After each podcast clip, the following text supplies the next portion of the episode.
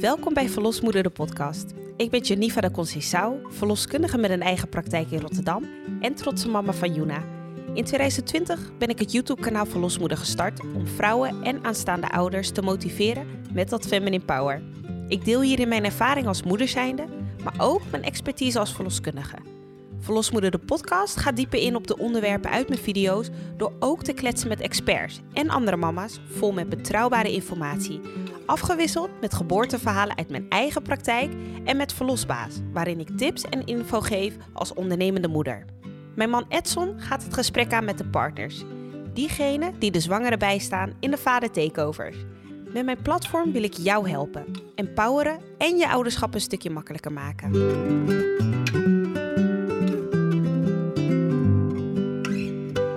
Vandaag wil ik het hebben over het inleiden van de bevalling. Wat zijn de medische redenen om in te leiden? Welke methodes kan worden gebruikt en hoe werken deze? Wat zijn de voor- en nadelen van deze methodes? En als allerlaatste, welke keuze heb jij hierin?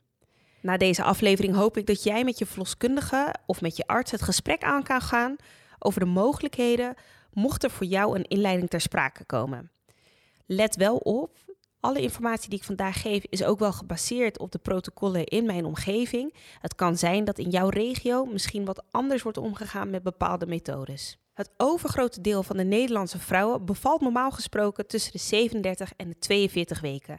En die krijgt ook spontaan weeën of zal spontaan met gebroken vliezen de bevalling ingaan.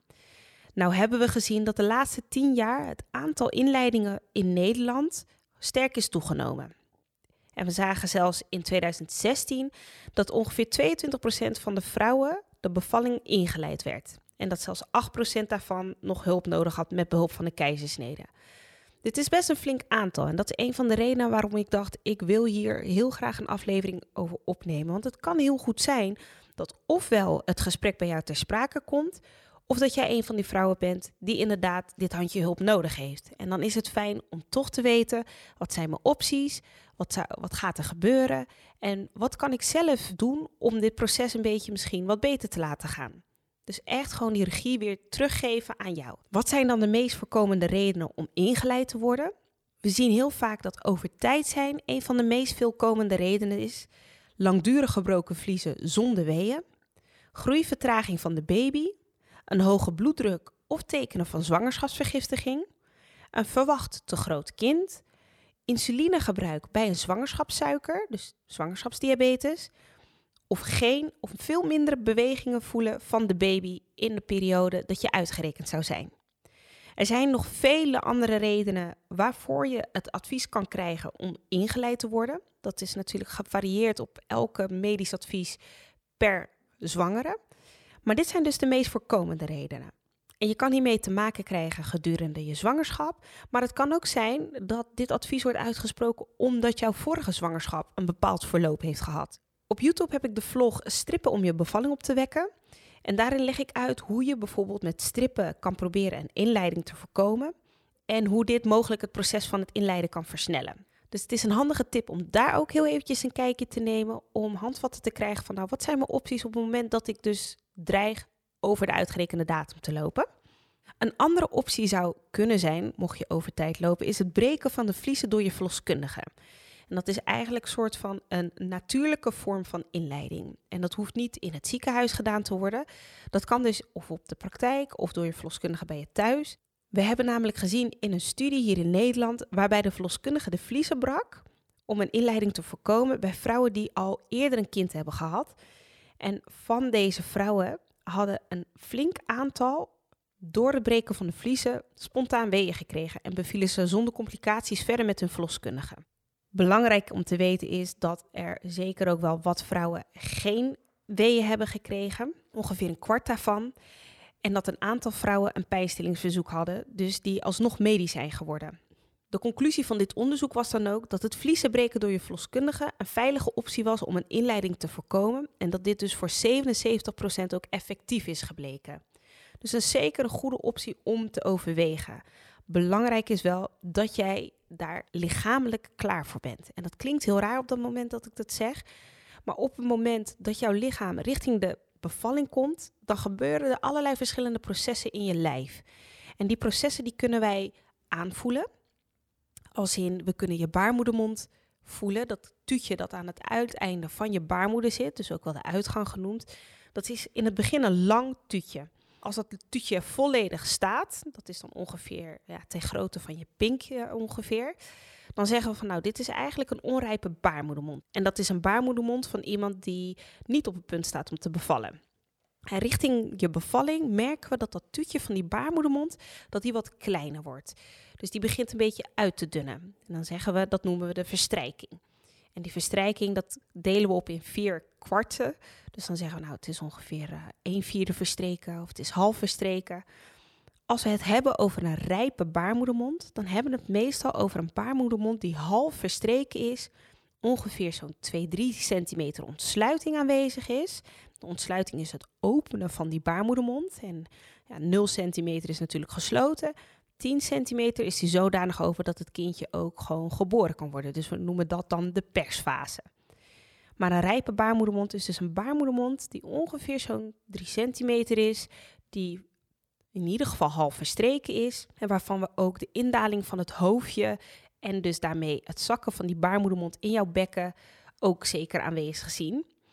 Dat doen we door middel van inwendig te voelen met onze vingers. En sommige dames vinden dat heel erg vervelend, want het kan best ongemakkelijk aanvoelen. En andere dames die zeggen van ja, het was ongemakkelijk, maar totaal niet pijnlijk.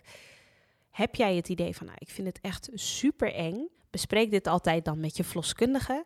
Ik weet in mijn praktijk dat we ook wel eens de optie aanbieden om bij je thuis te komen in plaats van bij ons op de praktijk te gaan voelen naar eventuele ontsluiting om te kijken hoe rijp is jouw baarmoedermond. Want het heeft heel veel te maken met ontspanning van het bekken. Hoe meer jij ontspant, hoe makkelijker het inwendig voelen ook vaak gaat. En uh, soms helpt het om dat in je eigen setting te doen. Dus hou er rekening mee dat je dit ook zelf kan vragen. Stel dat je zegt van ja, ik wil graag inwendig gevoel, maar ik ben er een beetje gespannen voor. Dat je dan zegt van nou, ik zou dat eigenlijk wel prettiger in de thuissetting vinden. De meeste verloskundigen vinden dat helemaal prima. Nou, de inleiding is eigenlijk opgedeeld in twee verschillende fases. En het belangrijke hiervan is, is dat het eerste fase heeft te maken met die rijping van die baarmoedermond. En fase 2 is echt het inleiden zelf. Nou, allereerst fase 1. Hoe en welke methodes hebben ze hier nou voor? Eigenlijk kan je dat opdelen in drie verschillende methodes. De eerste methode is de ballonkatheter. Dat is een klein slangetje dat eigenlijk als katheter gebruikt werd. Dat ballonnetje kan door middel van een eendebek in jouw baarmoedermond ingebracht worden. En dat wordt dus gedaan bij een baarmoedermond die een klein stukje open staat. Het hoeft niet een aantal centimeter te zijn, maar echt dus een klein stukje, zodat het kathetertje erin gebracht kan worden. En dan wordt die opgeblazen met een beetje zoutwateroplossing. En die druk, dat is een mechanische druk op die baarmoedermond. En jouw baarmoedermond gaat daarop reageren door krampen aan te maken. En die krampen, die zorgen er weer voor dat die baarmoedermond gaat rijpen. Die ballon die stimuleert dus het vrijkomen van natuurlijke hormonen die die krampen veroorzaken, die er dus voor zorgen dat die baarmoedermond gaat rijpen. En het geeft druk op die ontsluitingsring, dus op die baarmoedermond, waardoor er dus ook ontsluiting ontstaat. Dus het werkt een beetje tweedelig. In de meeste ziekenhuizen wordt er ook gekozen voor deze methode omdat het één zonder hormonen of zonder medicatie hoeft te gaan. En de optie is er ook bij de meeste ziekenhuizen om met die ballonkatheter ook weer richting huis te gaan en dat je het thuis mag afwachten. Waarom zou je dat nou willen doen? Omdat we nog steeds weten dat op het moment dat jij het beste ontspant, dat je lichaam dan het werk kan gaan doen. En hoe meer spanning in dat lijf, hoe lastiger het is voor je lijf om zich te focussen op datgene wat hij eigenlijk moet gaan doen, namelijk zorgen dat die baarmoedermond rijper wordt. Op het moment dus dat zo'n ballonkatheter wordt geplaatst, dan is aan jou de optie dus inderdaad van nou blijf je misschien hier in het ziekenhuis of ga je richting huis. En als je richting huis gaat, dan is het thuis afwachten. Sommige vrouwen voelen direct een druk. En het kan zijn dat je helemaal niks voelt. Het kan zijn dat het misschien een paar uur duurt voordat je echt een beetje krampen begint te krijgen.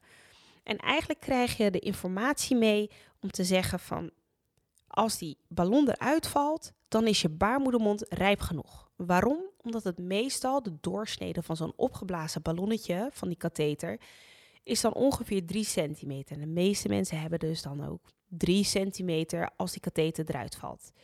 Wat misschien handig is om te weten, is dat niet altijd opgemerkt wordt als die ballonkatheter eruit is gevallen. Want soms zit die gewoon nog in je vagina. Dus je mag voorzichtig aan dat slangetje trekken om te kijken van, hey, komt hij eruit of zit hij echt nog in je baarmoedermond? Als hij echt nog in je baarmoedermond zit, dan kan je hem er ook niet uittrekken. Dus je hoeft ook niet bang te zijn dat je aan iets verkeerd trekt of dat het verkeerd gaat. Maar zo check je dus of dat die ballonkatheter blijft zitten. En dan krijg ik heel vaak te horen om uh, vijf uur of om zeven uur van... hé, hey, mijn ballonkatheter is eruit gevallen, de bevalling gaat beginnen. Maar dat kan dus per regio heel vies tegenvallen. Want in de avond wordt er eigenlijk niet zomaar gestart met fase 2 van de inleiding. Maar het kan zijn dat als die ballonkatheter eruit valt, dat je spontaan dus zelf weeën begint te krijgen. En dat je verder geen weeënopwekkers nodig hebt. Dus dan zou je zeggen van nou, fase 1 is dus ook een inleiding geweest. Maar dat is helaas dus niet voor iedereen zo. Op het moment dat je ballonkatheter eruit is gevallen, ga je dus richting het ziekenhuis voor fase 2. Daar zo wat meer over. Mocht het nou zo zijn dat het niet lukt om bij jou die ballonkatheter te plaatsen, of je hebt een of andere reden waarom ze zeggen van hey, het is niet verstandig om met de ballonkatheter te starten, of jij zegt ik zie dat absoluut niet zitten om met een ballonkatheter te gaan starten, dan kan het zijn dat er met hormoontabletten worden gestart. En die tabletjes die hebben eigenlijk hetzelfde effect als dat een ballonkatheter heeft. Vandaar dat er eerst voor een ballonkatheter wordt gekozen, want het is minder invasief als in medicatie voor je lijf. Maar met die hormoontabletjes worden eigenlijk ook krampen veroorzaakt. En die krampen die zorgen natuurlijk voor dat die baarmoedermond weer rijper wordt. Vooraf aan het geven van die tabletjes wordt er altijd een hartfilmpje van die kleine gemaakt. We noemen dat ook wel een CTG. Dan krijg je van die banden op je buik met twee doppen. de een die registreert de weeën en de andere die registreert het kleintje, de hartslag. En er wordt inwendig onderzoek verricht om te kijken van hé, hey, waar sta je op dit moment? Waarom doen ze dit nou? Omdat er wel eens met die tabletjes voor gezorgd kan worden dat er hypergestimuleerd wordt. Wat is nou hyperstimulatie? Dat is eigenlijk een soort van weeënstorm. En als er een weeënstorm wordt veroorzaakt, dan is dat natuurlijk voor de zwangere heel erg heftig voor het lijf zelf, maar ook voor die kleine. En we zien soms dat daar dus die kleintjes op reageren en dat het voor moeder heel erg moeilijk te verdragen is, omdat er geen rustmomenten meer tussen zitten. Dus het wordt heel goed gereguleerd door goed te kijken, oké, wat is het effect geweest? Hoe ver moeten we nog gaan? Is het nog nodig om nog een dosis te krijgen of gaan we het afwachten? Vandaar dat het ook zo is dat als je die tabletjes krijgt, dat je dus ook niet meer richting huis gaat. Dus dat is ook echt het grote verschil tussen een ballonkatheter en de tabletjes. Met de tabletjes wordt er dus altijd, vooraf dat je de tabletjes krijgt, eventjes gevoeld inwendig om te kijken hoe ver is je baarmoedermond in de rijping. Hoe staat het ervoor met de conditie van de kleine? Hoe staat het met de contracties die je nu hebt? Om te kijken of het veilig is om nog een dosis te krijgen. De allerlaatste optie is een prostaglandinus gel. Het is een methode die wordt toegepast inwendig in de vagina. Er wordt eigenlijk langs de vinger een spuitje ingebracht met dezelfde type soort hormonen die de medicatietabletjes ook hebben. Zijn ook in principe allemaal even effectief gebleken. Het enige is, is dat ze uh, zien bij. Of nee. Ze zijn ook allemaal even effectief gebleven. Prostaglandines, dat zijn dus die hormonen die de rijpheid van die baarmoedermond ook dus bevorderen. En dus er ook voor zorgen dat je spontaan weeën kan gaan krijgen. Ditzelfde geldt ook dat ze dit in het ziekenhuis inbrengen. Dat ze altijd inwendig voelen hoe sta je er dan voor. Het wordt dus vlak bij je baarmoedermond ingespoten. Dat doet geen pijn, want het is gewoon een gel die ze rondom inspuiten.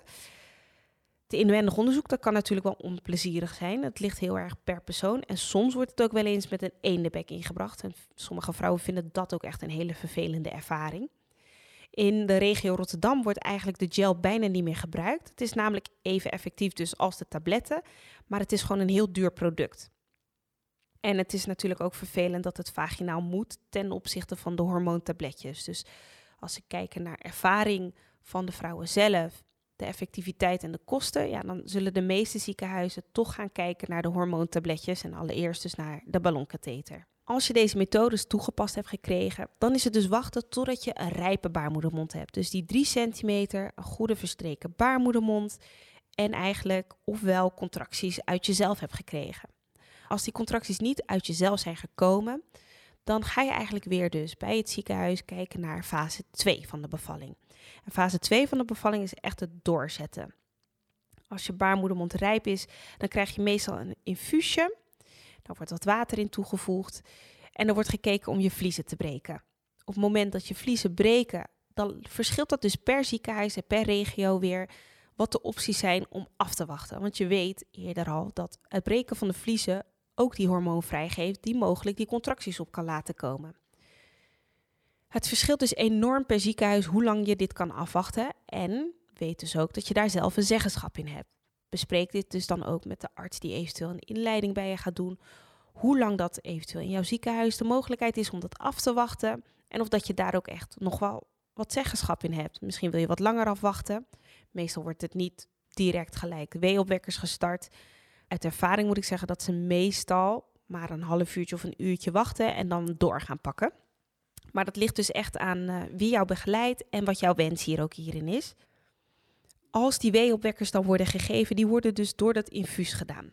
En dat wordt dus verdund met dat water en een pomp die dient dan die medicatie rustig aan toe. Ze beginnen met een lage dosering en die gaat stapsgewijs omhoog. Geleidelijk aan beginnen dan die weeën. En elke ongeveer 20 minuutjes zal die dosering wat omhoog gaan. En in die tussentijd heb je dan weer zo'n CTG-apparaat om de conditie van die kleine in de gaten te houden. En om jouw weeënpatroon in de gaten te houden. Waarom doen ze dat nou weer? Dat is eigenlijk precies hetzelfde als bij die hormoontabletjes en bij die prostaglandines gel.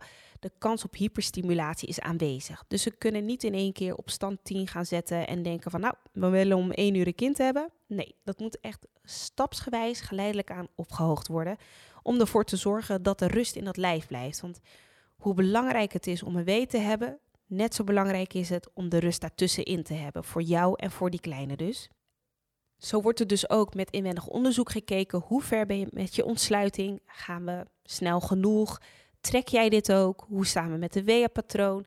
En daarin wordt afgestemd op we meer of minder kunnen doen. Het kan soms zijn dat je kindje te veel reageert op de weeënopwekkers door de hartslag te versnellen of juist te verlagen.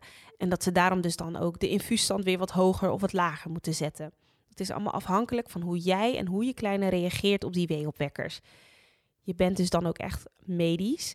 De bevalling wordt begeleid door de arts van het ziekenhuis of een klinisch verloskundige. Je bent niet gekluisterd aan een bed. Heel vaak wordt dat wel gedacht omdat je een infuus hebt en je hebt een CTG-apparaat.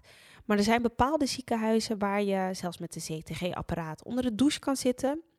Dat is dan ook echt een aanrader en misschien een van de redenen om te overwegen naar een bepaald ziekenhuis te gaan voor een bevalling, mocht je ingeleid moeten worden.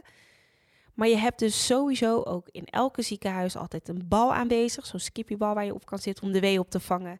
En je hebt een stoel waarin je kan zitten. Je kan het bed staand gebruiken. Je kan op handen en knieën zitten. Je kan rechtop in het bed gaan zitten.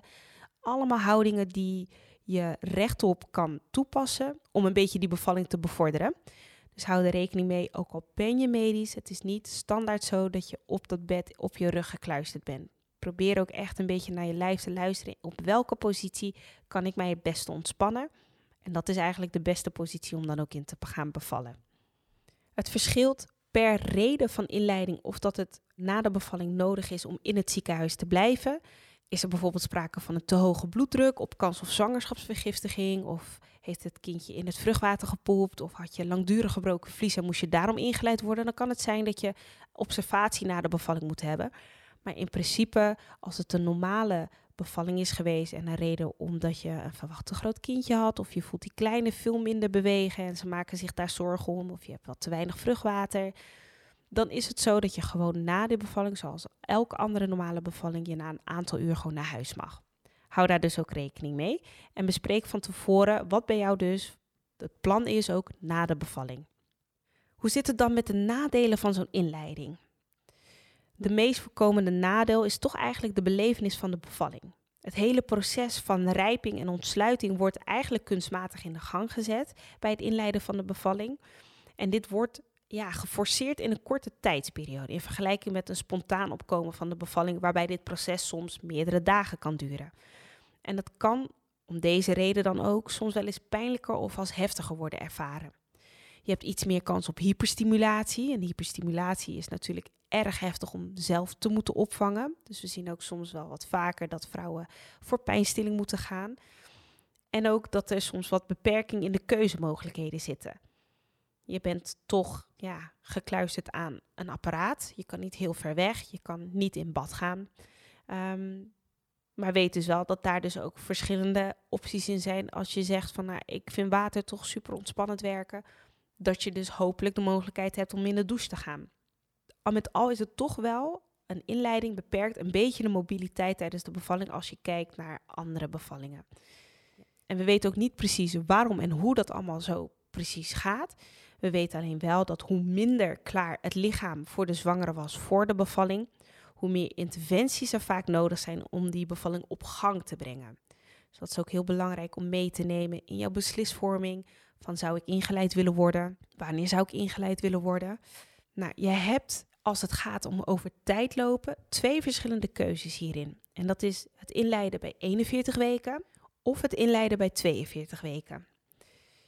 Er is in Nederland een grote studie gedaan die we de indexstudie noemen.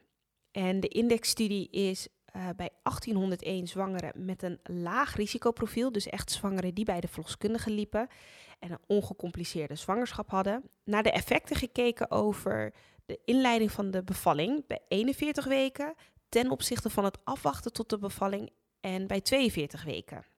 Er is gekeken naar de slechte uitkomsten bij het kind, zoals sterfte voor of na de geboorte, ademhalingsproblematiek, geboorteletsel of opname op de intensive care. Maar eigenlijk kwamen deze vrij weinig voor en dat was eigenlijk ook wel de verwachting. Er zijn bijna geen verschillen gevonden in de groep van 41 weken ten opzichte van de groep van 42 weken. Er was wel een klein verschil ten gunste van de inleiding bij 41 weken, omdat we wat meer kinderen zagen met een beter rapportcijfer. En dat rapportcijfer dat noemen we de APCAR-score. En bij de APCAR-score wordt er naar verschillende dingen gekeken die de score kan beïnvloeden, zoals de hartfrequentie, de ademhaling, hoe de spierspanning van die kleine is, of dat de reflexen goed zijn. En we zagen dus bij kindjes die bij 41 weken een klein verschil had ten opzichte van de kindjes bij 42 weken. Het risico op sterfte van baby was laag in beide groepen en ook vergelijkbaar. Dus het is niet zo dat als je bij 41 weken ingeleid wordt ten opzichte van de vrouwen die tot 42 weken wachten, dat je meer kans hebt dat je kindje komt te overlijden in die tussentijd. Dat geeft dus absoluut geen beschermende factor daarvoor. En hetzelfde gold ook voor slechte uitkomsten bij de moeder, zoals ruim bloedverlies of een placentaverwijdering of grotere scheuren bijvoorbeeld aan de vagina of richting de anus toe. Maar ook niet dus bij de opnames op de intensive care. Deze verschilden dus niet in beide groepen. En keizersnedes, kunstverlossingen en pijnbestrijding kwamen ook uit deze indexstudie beide evenveel voor. Het is super belangrijk dus om deze resultaten ook mee te nemen in jouw keuzebeslissing.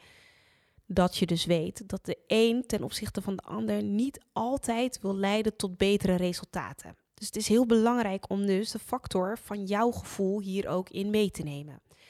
En ook belangrijk dat je weet dat dit dus gaat over ongecompliceerde, laag risico vrouwen. Loop jij al medisch, dan kan het dus zijn dat jouw arts niet adviseert om af te wachten tot 42 weken. Want dan behoor je niet meer tot deze groep.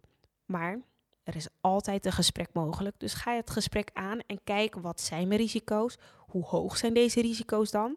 Wat is het voordeel van wachten en wat is het voordeel van eerder handelen? Nou zijn er een aantal complicaties die met een inleiding kunnen samenhangen ten opzichte van een spontane bevalling. En dat zou kunnen zijn een langdurige bevalling. Als je de vliezen breekt en weeën creëert, dan is de baarmoedermond nog niet helemaal zo rijp als dat misschien bij een normale bevalling verloop zou zijn. Dus er is een wat grotere kans op een langdurige bevalling. En soms is het zo dat ook de volledige ontsluiting niet helemaal wordt bereikt. Een langdurige bevalling is dan dus ook een risicofactor bij een inleiding. Al houden ze hier rekening mee door tijdig inwendig te voelen om te kijken van hey, is er progressie? Hoe voel jij je? Kan je dit nog aan? En zo proberen ze dat met jou af te stemmen. Maar weet dat dit een proces is dat wat langer kan duren. Uit de indexstudie blijkt vooralsnog dat de pijnstilling niet vaker voorkomt bij 41 weken ten opzichte van het wachten tot 42 weken. Wel is een veelgehoorde opvatting dat een ingeleide bevalling pijnlijker is dan een normale bevalling. Dat is natuurlijk super moeilijk te bewijzen, omdat geen twee bevallingen gewoon gelijk zijn. Wel is er bekend dat er bij de inleiding van de bevalling wat vaker pijnstilling kan worden aangeboden, juist omdat het ook aanwezig is, omdat je mobiliteit wat wordt beperkt. Dus het is een van de redenen waarom misschien de drempel voor pijnstilling wat lager is dan wanneer je bijvoorbeeld in een thuiszetting bent en die pijnstilling nog helemaal geen optie is. Wat ook een kleine kans met zich meebrengt, is het uitzakken van de navelstreng. Bij het breken van de vliezen kan de navelstreng uitzakken langs het hoofdje, of als het kind in een stuitligging ligt, langs de billen van de kleine, als deze niet goed is ingedaald. Op het moment dat dat gebeurt, is een keizersnede noodzakelijk. Dus daar zit een klein risico bij. Maar dat is altijd wel bij vliezen breken, ook al zou jouw verloskundige handmatig of kunstmatig noemen we dat, de vliezen breken. Op het moment dat de vliezen worden gebroken, wordt er altijd eerst gevoeld om te kijken van, hey, ligt hier alleen een hoofdje? Is dit hoofdje ook goed ingedaald? Voel ik niks anders zitten? En dan pas is het veilig genoeg om de vliezen te breken. Maar er is altijd een klein risico dat dat niet helemaal loopt zoals we dat hadden gewenst. Een van de veel voorkomende complicaties van een inleiding is de hyperstimulatie. Daar had ik het al eerder over. Hier komen er te veel weeën te snel achter elkaar. Als dit te lang duurt, kan er wat zuurstofgebrek bij die kleine optreden. En meestal is het dan mogelijk die hyperstimulatie te verhelpen door de stand van de infuuspomp naar beneden te zetten of soms nog wel eens helemaal uit te zetten totdat de rust in het lijf weer is wedergekeerd. Soms is het wel eens nodig om een weeënremmend medicijn te gebruiken, we noemen dat tractocil, om ervoor te zorgen dat die weeën gewoon weer terug naar een normaal patroon gaan. Hou hier dus rekening mee. Een van de andere complicaties is niet zozeer een complicatie die schadelijk is, maar wel als vervelend wordt ervaren. Is dat het infuus misschien niet helemaal meer goed loopt of dat het niet in één keer lukt om een infuus te prikken. Het plaatsen van een infuus is gewoon niet prettig.